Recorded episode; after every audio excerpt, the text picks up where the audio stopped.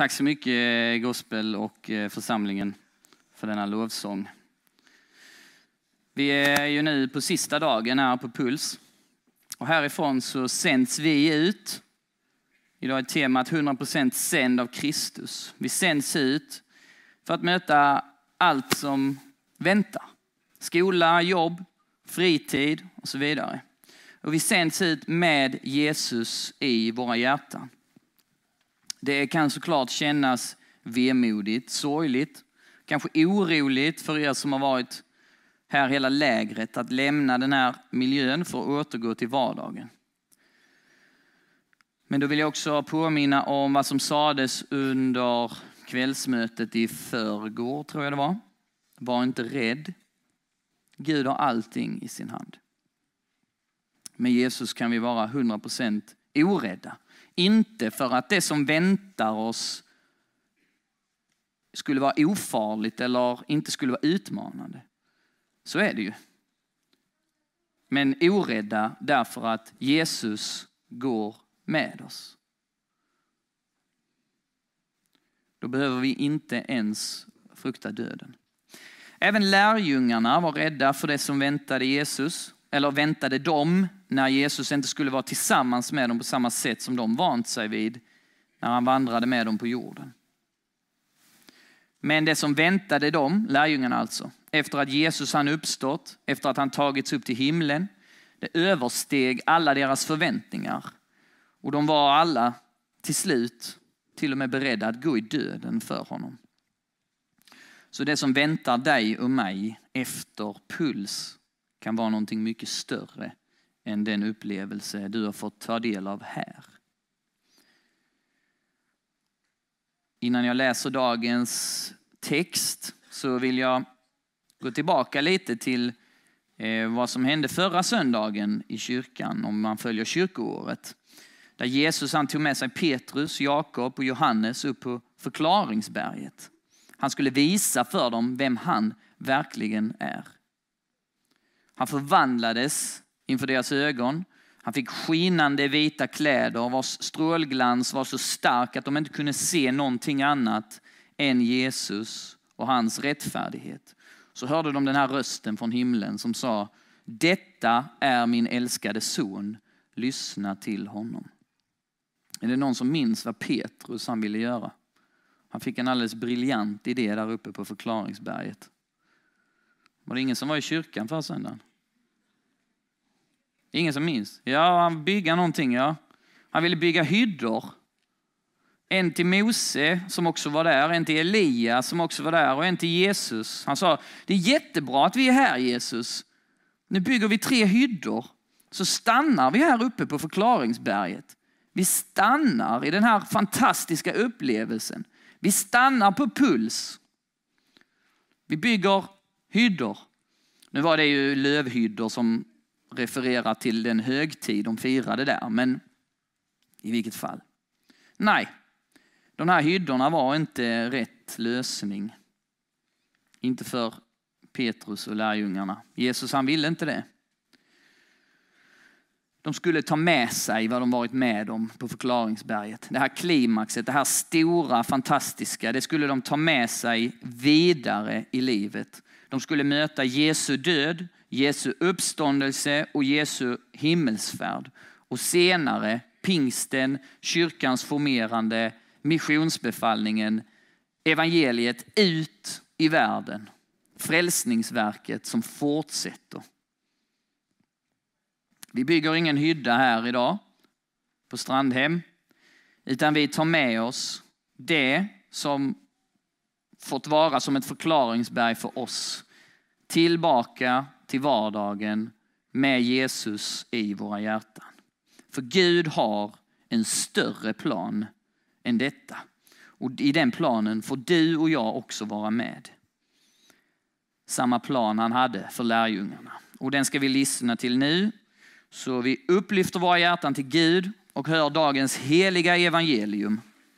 Från Matteus evangeliets 28 kapitel jag läser nu ur eh, Bibel 2000 översättning. Har du en annan översättning? Gud välsigne dig. det går alldeles utmärkt. Det är mer en yrkesskada för min del. Ehm, de elva lärjungarna begav sig till Galileen, till det berg dit Jesus hade befallt dem att gå. När de fick se honom där föll de ner och hyllade honom, men några tvivlade. Då gick Jesus fram till dem och talade till dem. Åt mig har getts all makt i himlen och på jorden. Gå därför ut och gör alla folk till lärjungar. Döp dem i Faderns och Sonens och den helige Andens namn och lär dem att hålla alla de bud jag har gett er. Och jag är med er alla dagar till tidens slut. Så lyder det heliga evangeliet. Lovad vare du, Kristus. Det här är ju inte vilken text som helst, utan den stora missionsbefallningen i Nya Testamentet. Läser man lite tidigare så börjar kapitlet med att Maria från Magdala och den andra Maria, som det står, de är på väg till graven där Jesus låg. Och de kommer till graven och de finner att den är tom. Den är tom eftersom, eftersom vadå? För att Kristus lever. Halleluja. Eller hur? Graven var tom. Jesus hade uppstått. Och efter att han visade sig för kvinnorna så visade han sig också för de elva lärjungar som fanns kvar efter att Judas Iskariot hade avfallit och tagit sitt liv. Kvinnorna som sett Jesus uppstånden, de gjorde som han hade sagt åt dem. Tack Gud för det. Sändningen som föregår den stora sändningen kan vi säga. Och därför mötte lärjungarna sedan Jesus i Galileen på ett berg där han uttalar missionsbefallningen för dem. Redan här har vi 100% sänd av Kristus. Gå till mina lärjungar och tala om för dem att jag är uppstånden. Också en kallelse till dig och mig. Inte bara att gå ut utanför lärjungaskaran, utan gå också till dem i Kristi kyrka som behöver höra det igen. Att Jesus lever. Att han älskar dig och att du har en plats i hans kyrka. Missionsbefallningen är alltså någon slags logisk fortsättning på de här händelserna som sker i den första påsken. Jesus han dör för våra synder. Han uppstår och besegrar döden. Och nu sänds lärjungarna ut i världen för att förkunna detta för jordens alla folk. Det är alltså inte vår reaktion på vad som händer i den första påsken. Det är inte lärjungarnas reaktion, så som att de sätter sig ner och har ett möte vad ska vi nu göra när Jesus har uppstått och ger oss evigt liv? Ska vi kanske bilda en kyrka? Nej, det är Jesus som sänder dem. Det är hans kyrka. Det är den heliga ande som driver dem ut. Kyrkan är inte vår skapelse. Den är Guds skapelse. Det är fortsättningen på frälsningsverket. Uppdraget tar sin form. Men vad är då detta stora uppdrag? Paulus han skriver om vad som är Guds viljas hemlighet. Men som inte längre är hemligt alltså, utan uppenbarat och känt för oss som är kristna, för oss som bekänner Kristus. I ehm, Efesierbrevet, första kapitlet 9 10 kan vi få upp här också tror jag. Då skriver Paulus. Ja. Och han har yppat sin viljas hemlighet för oss. Det beslut om Kristus som han hade fattat från början och som skulle genomföras när tiden var inne. Att sammanfatta allting i Kristus. Allt i himlen och på jorden. Guds viljas hemlighet. Ett beslut fattat från början i skapelsen. Genomfört för ungefär 2000 år sedan och fortsätter in idag. Paulus han talar också i Apostlagärningarna om detta. Hela Guds vilja och plan. I Apostlagärningarna 20-27, där säger han, ty jag har inte varit rädd för att delge er allt som hör till Guds plan. Att allting i himlen och på jorden skulle sammanfattas i Kristus. Det är alltså inte någonting som Gud kommer på så här för ungefär 2000 år sedan. Det är planen redan från början, redan i skapelseberättelsen. Allt är skapat för att ära Jesus och allt är skapat genom honom. Ibland tror jag att vi tänker inte alls på det sättet. Både medvetet och omedvetet så tror jag vi ibland tänker oss Gud som en dålig golfspelare. Typ som om jag skulle spela golf. En golfspelare kan ju i teorin ha målet klart för sig någonstans där långt borta. Det förstår till och med jag om jag ställer mig på driven. Där borta är hålet, bollen ska dit. Så slår man första slaget. Ja, ungefär så. Och bollen får en ny position. Den åker kanske helt fel håll. Den kanske kommer närmre målet. Eller så blir det hole-in-one. Och då kanske vi ibland tänker oss Gud som att skapelsen är det här utslaget. Ja, men det blev ett ganska bra utslag. Eh, och så går han till bollen igen och så tänker han nu ska vi se. Det blev inte riktigt som jag hade tänkt. Så då kommer nästa slag här, det är Mose och lagen då. För att liksom fixa lite. Och så slår han igen. Och så går den inte i hålet där heller. Och då är han framme på eh, den här, ehm, ja, där hålet är. Jag vet inte vad det heter, men där man puttar. Och då är det liksom puttern. Ja, där har vi Jesus. Då puttar vi i så. Ner i hålet. Ibland tror jag att vi tänker Gud på det sättet, men det är helt fel. Skapelsen är inte utslaget som hamnar snett. Mose är inte nästa slag för att liksom rätta till lite. Från skapelsens första sekund så är Guds plan att allting i himlen och allting på jorden ska sammanfattas i Jesus Kristus. Ingenting existerar utan att stå i relation till honom. Man kan bara lite så nörderi här. Det första som står i Bibeln, i begynnelsen skapade Gud finns exegeter som hävdar att man också kan förstå det som att genom den första, alltså begynnelsen är ju det första. Genom den första skapade Gud allting. Genom Jesus Kristus, den förstfödde. Allt står i relation till honom. Frågan är ju från andra hållet. Från skapelsens och ditt och mitt perspektiv. Är Jesus Herre i ditt och mitt liv? Från vårt perspektiv. Det är ingen fråga om huruvida han är det egentligen. Om det är ämnat att vara så, det vet vi. Så är det. Allting är till för Jesu Kristi herradöme. Men ser du och jag också det så? Jesus Kristus är Herre över himmel och jord. Herre över liv och död. Herre över tid och över evighet. All mission, all sändning, alla uppdrag som utgår från kyrkan eller all verksamhet som man kallar för kristen måste ha sin utgångspunkt i detta, i Jesu Kristi herradöme. Att han är Herre från början till slut. A och O. Det är alltså inte du och jag som ska gå härifrån Puls idag, ut i världen, göra som Jesus säger och bli belönade av honom så att det är vi som vinner ett herradöme. Att det är vi som blir herrar över den omgivning som vi sänds till.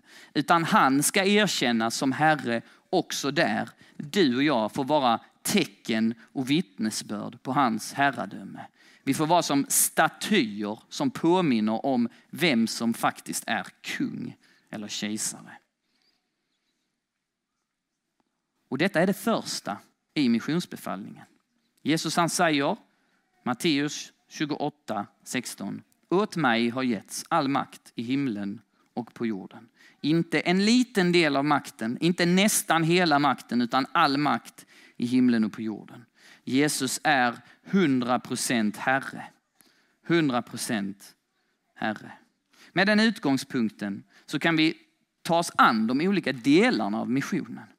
För nu har vi liksom grunden klar för oss. Och då skulle jag vilja att alla här inne tittar på sina händer. Eller på en av sina händer. Ni får själva välja.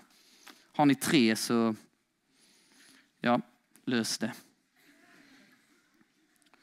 Våra händer är fantastiska verktyg. Med dem kan vi trösta de som är ledsna. Vi kan torka bort tårar. Vi kan lägga dem på människors axlar och huvuden. Vi kan be för människor, trösta och så vidare. Vi kan också knyta våra händer. Och nu talar jag fortfarande om våra händer som något positivt. Vi kan knyta dem till försvar av sanningen när den hotas av lögnen, när de svaga utnyttjas av maktfullkomliga eller när kaos hotar ordningen. Men om vi knyter handen när vi egentligen borde ha den öppen för att trösta, eller när vi kanske tror att vi ska trösta när vi egentligen borde knyta näven, då blir det inte bra. Då kan vi ägna oss åt synd. Paulus han skriver också om att eh, han vill se män i det fallet lyfta sina rena rättfärdiga händer till att prisa Gud. Händer som egentligen är skapade för detta, att vara rena, rättfärdiga, lyfta till Gud i lovsång, men som så ofta lyfts av andra skäl. Både knyts och lyfts öppna. Till exempel om man håller på Helsingborg eller något sånt och går på fotboll. Usch. Men eh, våra händer är fantastiska verktyg, precis som vår tunga. Det är till välsignelse. Det kan också vara till förbannelse. Vi får möjligheten att vara Guds händer i missionen. Tänk på detta. Tänk på dina händer som en bild för detta. Tänk på vad dina händer kan göra. Den välsignelse de kan vara för dina medmänniskor, men också den risk om du använder dem på fel sätt. Vi ska använda handen idag som en bild för missionens olika delar. Missionsbefallningen handlar nämligen inte bara om en enda uppgift. Så det är liksom inte bara handen, utan det är en handflata och det är fem fingrar. Det är både djup och det är bredd. Utgångspunkten, Jesus Kristus är Herre över allting. Detta är centrum, här har vi handflatan. Tar vi bort fingrarna så funkar de inte. Då är det kört. Då får man göra något annat med dem. Men sitter de kvar på handflatan då funkar de. De fem olika funktionerna i missionen som jag kommer till. Den första uppgiften är att evangelisera. Då har vi tummen här. Mycket bra. Tummen, evangelisation. Jesus han säger, gör alla folk till lärjungar. De elva lärjungar som var med tillsammans med Jesus fick uppdraget att vidga skaran av Jesus troende genom att gå ut till alla folk. Varken du eller jag är en del av den här ursprungliga lärjungaskaran. Men vi har fått bli en del därför att de första lärjungarna gjorde som Jesus sa. De gjorde honom känd bland människor. De vittnade, de talade om vad de sett och hört och om vem Jesus var. Ingen kan komma till tro om de inte vet vad eller vem de ska tro på. Därför måste vi berätta. Så att Jesus blir känd. Gör honom känd. Ibland missförstår vi den här uppgiften. Vi talar mer om oss själva än om Gud. Det är inte dig själv du ska marknadsföra inför andra människor. Det är Jesus. Vila i att du inte behöver vara perfekt eller kunna allt. För det är Jesus det handlar om. Det är också ett evangelium att ta med sig i evangelisationen. När människor hör och ser det vi kan vittna om, då får de själva ställa sig till detta. Låta sig döpas, bli troende. Gör alla folk till lärjungar och döp dem i Faderns, Sonens och den helige Andens namn. Evangelisationen, tummen här. Nästa del hänger samman. Det är pekfingret med det första då, hänger samman. Lär dem att hålla alla de bud jag har gett er. Fördjupningen av den kristna tron handlar detta om. En kristen behöver fördjupa och bättre förstå sin tro efter att han eller hon fått ett initialt möte med Gud och med den kristna gemenskapen. Lärjungarna själva, tänk på deras liv. De mötte Jesus, de valde att följa honom och de lyssnade till hans undervisning i tre år, ganska lång tid. Och mycket av vad de trodde först, eller kanske vad de tänkte och kände, det ändrades ju efterhand. De förstod saker bättre. Och framför allt efter hans död och uppståndelse så förstod de verkligen vad det handlade om. Så fördjupningen och undervisningen ska inte underskattas. Vi får inte bara tänka kvantitet, göra fler lärjungar, vidga skaran. Vi måste också tänka på oss själva, så att säga. Ta in, fyll på, fördjupa. En ytlig tro är lätt att tappa när livet inte är så enkelt. Men en tro som är välgrundad i Guds ord, Bibeln och i en kristen gemenskap har andra förutsättningar att klara sig. Här på stranden finns ju en bibelskola. Det är ett exempel på detta. Gå gärna där eller någon annanstans. Men ta vara på de möjligheterna. Vi ska alltså både gå ut och undervisa, men vi måste också undervisa vår kyrka, vår församling, oss själva. Sök detta i tro och bön, vad som är din uppgift i detta. Okej, de två första uppgifterna, det handlar om att bygga upp kyrkan. Man håller så kanske, så har man en kinesisk pennfattning i pingis. Det är mycket styrka i en sån. Handen har ju tre fingrar till. Då tänker ni att det kan inte räcka, eller tvärtom. Var, var ska alla de tre fingrarna in? Vi har ju i princip gått igenom hela missionsbefallningen. Gör lärjungar, undervisa dem. Jesus han säger väl egentligen inte mer. Han säger faktiskt mer än så, även om det inte är explicita eller direkta uppmaningar. Det är ändå ord som vittnar om missionens väsen och vilka uppgifter vi som kristen gemenskap har här på jorden. De tre sista fingrarna, de kan vi kalla för de diakonala fingrarna. Ni vet, diakonen som jobbar i kyrkan, diakonin, en av kyrkans uppdrag så att säga. Att tjäna, älska. Både det som finns inom kyrkans gemenskap men också det som finns utanför. Ni kan berättelsen om den barmhärtige samarion, eller hur? Ingenstans i den liknelsen så eh, predikar den här samarion för den misshandlade mannen. Han säger inte att ja, men, eh, om du skriver in dig på den här undervisningsprogrammet här så kan jag låna ut lite pengar till dig och så vidare. Utan han visar barmhärtighet. Det är det första av våra tre fingrar. Vi ska visa att Gud är barmhärtig genom att själva vara det. Vi som har mött hans kärlek ska också leva ut den. Det präglar vår kyrka invändigt, men det präglar också mötet med de som är utanför.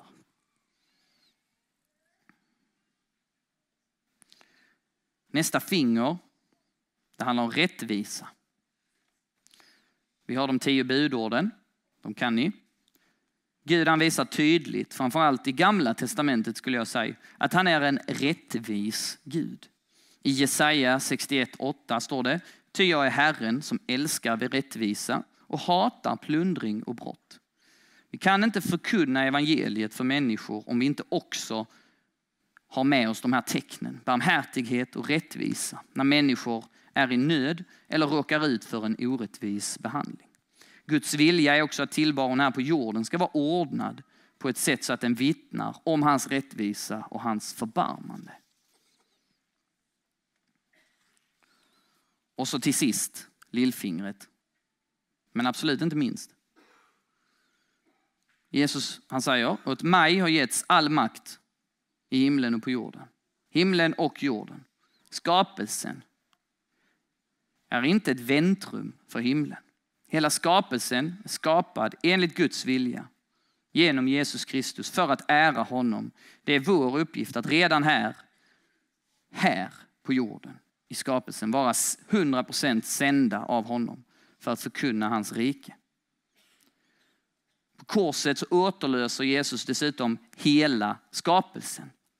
Och som Paulus skriver, Guds plan att allt i himlen och på jorden ska sammanfattas i Kristus. Inte bara alla människor, hela skapelsen. Vi har i första Mosebok, skapelseberättelsen, eh, från vers 27 i första kapitlet, får ju människan det första uppdraget. Som man och kvinna skapade han dem. Gud välsignade dem och sade till dem, var fruktsamma, föröka er, uppfyll jorden och lägg den under er. Härska över havets fiskar, himlens fåglar, över alla djur som myllrar på jorden.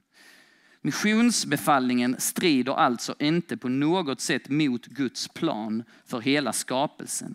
Att vi ska bilda familjer, gifta oss, få barn, ta hand om skapelsen och skapa ett gott fungerande samhälle. Tvärtom så är de här sakerna också vittnesbörd och tecken på Guds godhet och hur hans godhet präglar redan denna tillvaro. Och här kommer då en väldigt viktig fråga att ställa sig själv.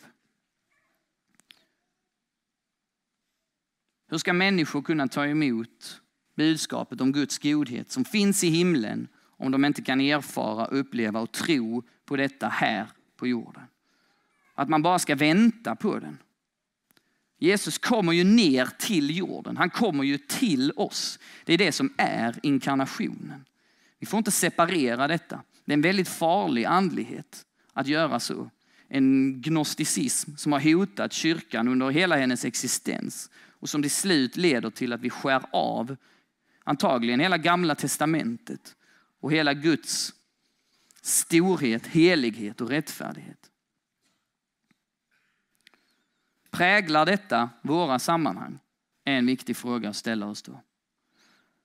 När folk kommer till din kyrka, till din församling, din förening eller till din upp, eh, ungdomsgrupp. Präglas den då av den kärlek, den barmhärtighet som Gud visar oss? Att det finns evangelisation är jag rätt så säker på. Att det finns fördjupning och undervisning, det tror jag också. Eh, sen kan de sakerna såklart bli bättre. Jag säger inte att de är perfekta bara för att vi råkar vara här och det är ELU och ELM och så. Men de andra tre, rättvisan, eller barmhärtigheten, rättvisan och ansvaret för skapelsen, det goda samhället. När människor kommer till oss så måste de också se att vi älskar varandra, så som de första församlingen älskade varandra i apostlagärningarna. De måste se Guds godhet också i de sammanhangen. Är det så där du befinner dig? Det är en viktig fråga att ta med sig. Folk kommer inte erfara Guds kärlek om inte vi som kristna visar att den är verksam i våra sammanhang.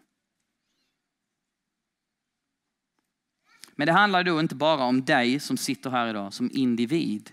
Du kan inte bära detta helt på dina axlar. Du måste gå tillbaka till handflatan att det är Jesus som har makten i sina händer. Det är Guds plan.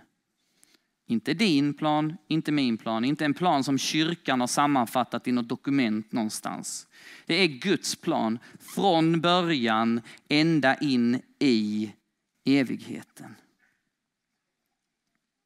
Du som är här idag får av nåd i bön och i ett kristet sammanhang söka vad som är din roll i detta. Det handlar inte om att man ska ta ett finger och det är min roll eller så, utan det här är liksom en grov skiss. Du behöver finna din plats i den stora missionsbefallningen. Evangelisation, undervisning, förbarmande, medlidande över de som behöver det, rättvisa för de som har blivit orättvist behandlade och omtanke om skapelsen och goda sammanhang. Det handlar alltså om en samverkan. Det är ett farligt ord i lutherska sammanhang, samverkan. Men jag vågar säga det ändå. Jag vet att det är 100% Gud som gör det. Men eh, det svenska språket leder mig ändå till det här ordet, samverkan. Utgångspunkten är Kristus är Herre över allting. Han har grundat sin kyrka på jorden där du och jag får vara med. Du får vara en del av denna kyrkan. Hitta din roll i att utföra det som är ditt uppdrag i Guds plan. Guds plan från evighet till evighet.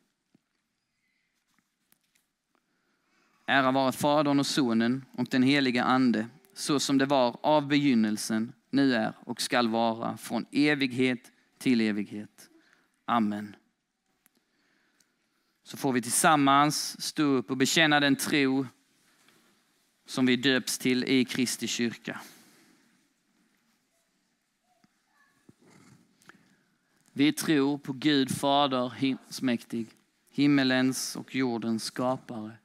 Vi tror också på Jesus Kristus, hans enfödde son, vår Herre, vilken är avlad av den helige Ande, född av jungfrun Maria, pinad under Pontius Pilatus, korsfäst, död och begraven, nederstigen till dödsriket, på tredje dagen uppstånden igen ifrån de döda, uppstigen till himmelen, sittande på allsmäktig Gud faders högra sida, därifrån igenkommande till att döma levande och döda. Vi tror och på den heliga Ande, en helig allmännelig kyrka, de heliga samfund, syndernas förlåtelse, de dödas uppståndelse och ett evigt liv.